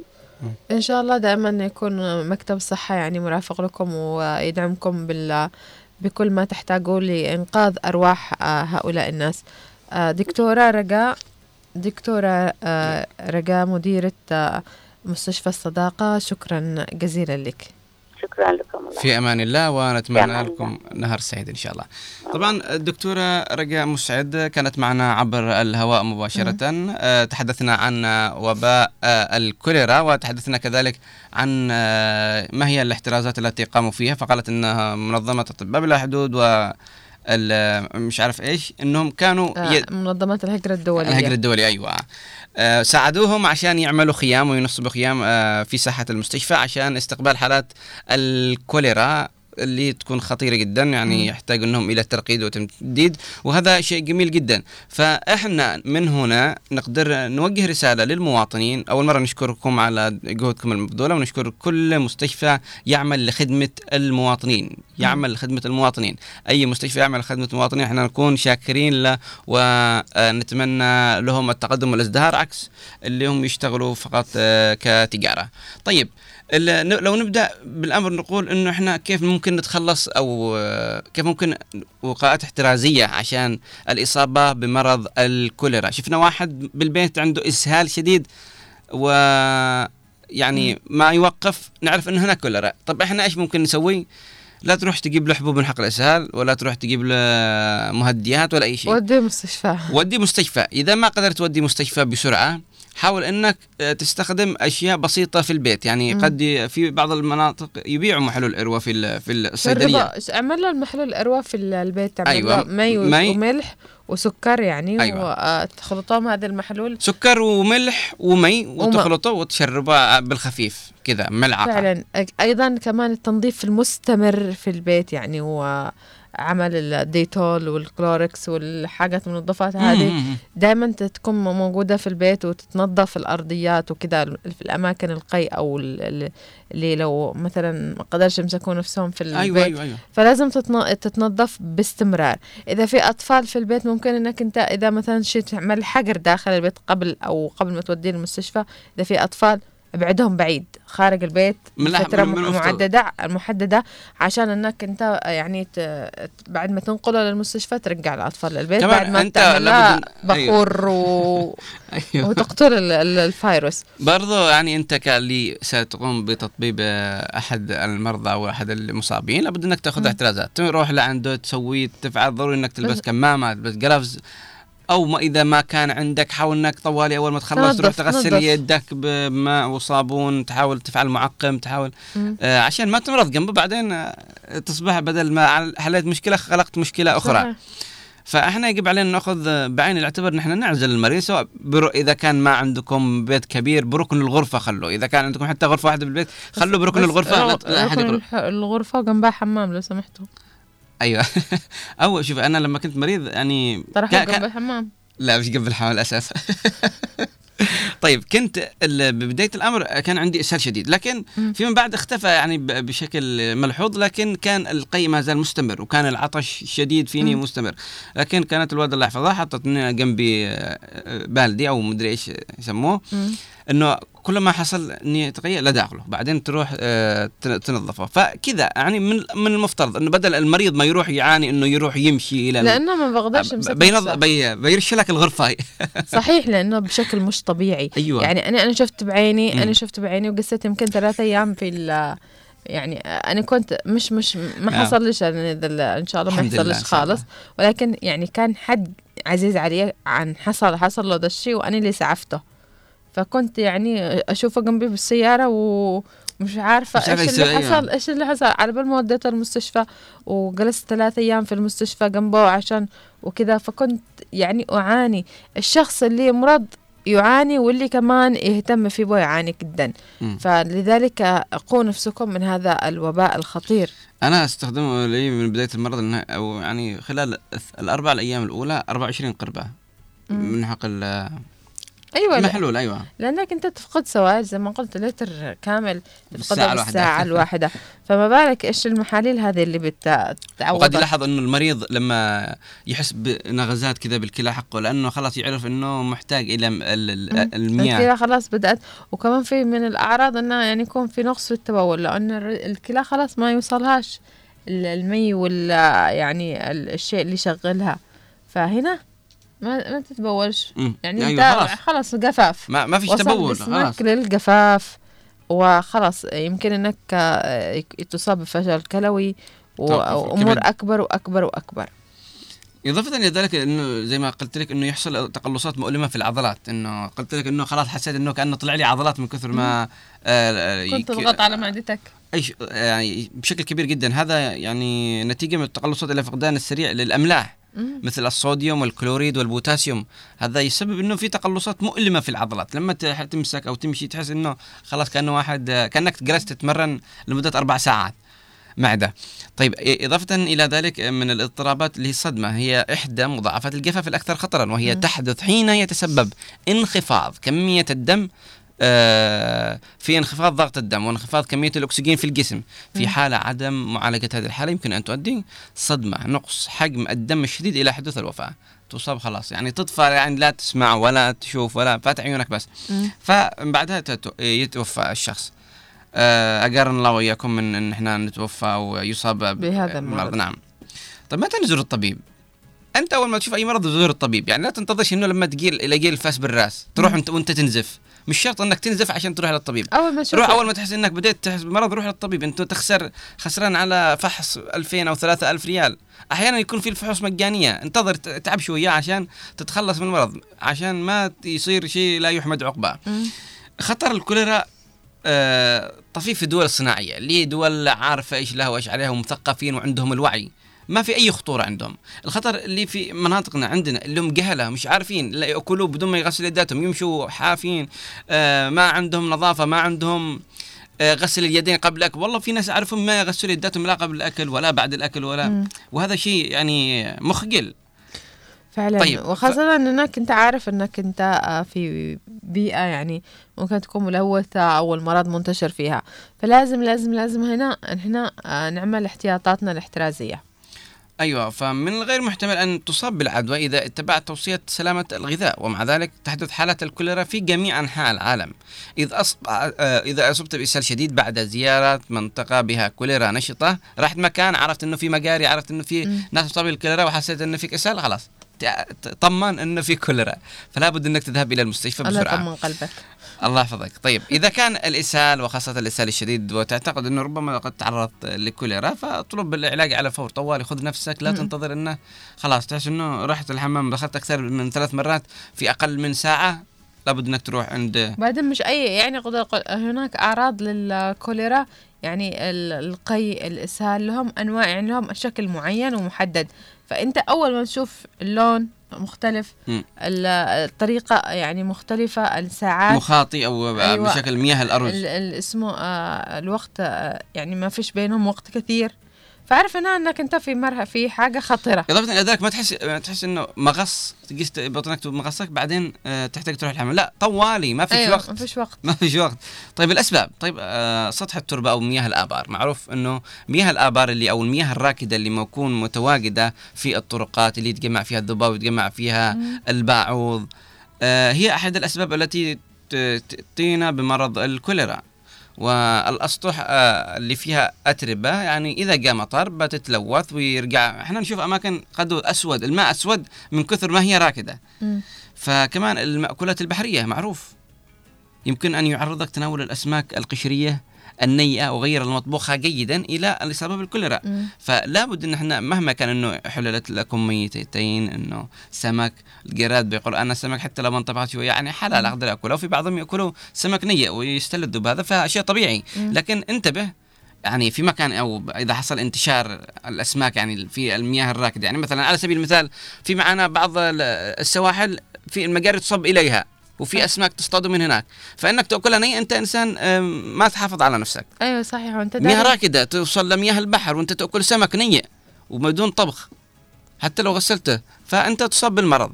فلا بد إنه طبخات الأسماك تكون بشكل ممتاز عشان آه، نقي أنفسنا من كمان أيوة تنظف. وتتنظف برضه أكيد. في بعضهم يسووا سمك بدون ما ينظفوا طوالي يوصل يعني شوفي بقول لك الان لما يروح يسوي مخبازة أو شيء يروح يشيل لك صيد من مكان وراح مخبازة. أنا لما أسوي كذا آخذ الصيد أقول له لو سمحت فعل لي مثلا. موفه ولا شيء لكن غسله لو سمحت غسله قبل ما إنك تطبخه. مش. فأنا أجلس أراقب أراقب هل غسله ولا لا. ومرة واحد كان بدون ما يغسله قلت جيب جيب الصيد حقي شليتهم خرجت. رحت ما مكان ثاني. يغسلوش كيف ما يغسلوش أنت الحين خوفتني. شغلهم أقول لك شغل تحصيل حاصل. ها؟ الحين أكيد قولي له غسل أعرف كثير يعني. لا قولي له غسل السمك قبل ما أنك تطبخها. ها مم. في بعضهم يشتغل تغسيل يا رجال عادي هو حمام الحراره الحرارة بتضيع البكتيريا وال... لا غلط. ضروري لازم تغسله يتغسل. قبل ما إنك تأكل. وهذه نصيحة للي يروح المخبز ضروري إنكم تغسلوا الصيد حقكم أو تخلوا الشخص يغسل الصيد قبل ما إنه يسوي لكم آه، طبخة. طيب كمان الفواكه والخضروات اللي نية. أنا أكل النية. قد ي- نية. لكن بعضهم اللي تكون هي تحتاج إلى تقشريه زي الجوافة زي الحاجات كده تكون مم. كانها نية فتعد الفواكه والخضروات النية غير المقشرة مصدرا متكررا لعدوى الكوليرا في المناطق التي توجد بها الكوليرا وفي البلدان النامية. يمكن أن يلوث الأسمدة أو مياه الري التي تحتوي على مياه الصرف الصحي آه، إلى أنك آه، تصاب تصاب بالبكتيريا وهذا مما ينقل المرض. طيب. أنت لابد أنك تغسل الفواكه مش موز. تقول عادي هو موز بقشره كذا وبأكله وبكون بخير. مم. لا برضو أنت يمكن تلمسه بيدك. أنت ممكن أنه القشرة تلتف وتدخل. أحيانا الأسمدة أو يعني من فين تجي الأسمدة؟ تجي من البراز. الأسمدة تأتي من البراز وقلنا أن الكوليرا هو يأتي من البراز. الشخص. قد يكون في برازة مصاب بالكوليرا لمدة بالكوليرا، صح. 14 إلى 11 إلى قد يستمر إلى أيام مختلفة في البراز. فأنت تخرج من الحمام وغسلت يدك جيدا وأنت عارف أن آه، الكوليرا موجود في البراز ورحت تأكل أو تمسك طفل أو جاهل وأصيب الطفل وأنت ما أصبت بأي حاجة. فأنتم لابد أنكم تأخذوا بعين الاعتبار غسل يديكم بعد الحمام بالماء. والصابون وهذا شيء ضروري أعتقد من اللي يجهل هذا الأمر مم. طيب كذلك الحبوب في المناطق التي تنتشر فيها الكوليرا على نطاق واسع يمكن الحبوب مثل الأرز والدخن الملوثة بعد الطهي التي تحفظ درجة حرارة الغرفة لعدة ساعات أن تنمو فيها بكتيريا الكوليرا الرز لابد أنه يتغسل الدخن اللي ينقحه أو يفوره لابد أنه يغسل وبعدين تنقحه لكن أنك تحفظه بدرجة حرارة الغرفة اللي هي 25 أعتقد آه لساعات فإنه البكتيريا تنمو فيه تكبر. هو فقلنا انه بكتيريا. بالنهاية آه الكوليرا بكتيريا والبكتيريا تنمو وتتكاثر مع الوقت. مم. آه عوامل أوكي وصلنا إلى نهاية حلقتنا. قعدنا كنت بتكلم أكثر. الموضوع يعني يا جماعة يا جماعة الموضوع كبير شائك أيوه. يعني وممكن إذا نحن آه، نحن حبينا نحن نوعي الناس وخاصه إن المرض منتشر في هذه الأيام نتمنى إن الناس يعني تأخذ الحيطة والحذر ونتمنى لها السلامة بإذن الله من هذا المرض الخبيث فواز الراقحي يشكر الدكتورة رجاء على توجيهاتها وشكرا لك يا أبو كرم اللحقي صباحك إن شاء الله بخير ويقينا الله. من الوباء وشكرا لك أستاذة. فاطمة الحداد وشكرا لك يا أبو شيخ صالح صباح الخير عليك وشكرا على رسالتك وكمان شكرا لصالح المطرفين طيب آه ختاما كان معكم من الإعد أول مرة نتمنى لهم السلامة وربنا يقيكم من الأمراض وحافظوا. على غسل اليدين بإذن وغسل. الفواكه وغسل الأكل وانتبهوا جيدا أنكم تأكلوا شيء إلا وهو مطهي جيدا. كان معكم الإعداد والتقديم أماني مجمل. وأنا غيث أحمد من الإخراج الإذاعي نوار المدني والإخراج التلفزيوني أحمد محفوظ ومن المكتبة والتنسيق الزميل عبد الله محمد ومن البلاي أوت الزميل آه، حسن السقاف. أتمنى تكونوا بخير. دمتم ودام الوطن الجنوبي بألف خير. إلى اللقاء. إلى اللقاء.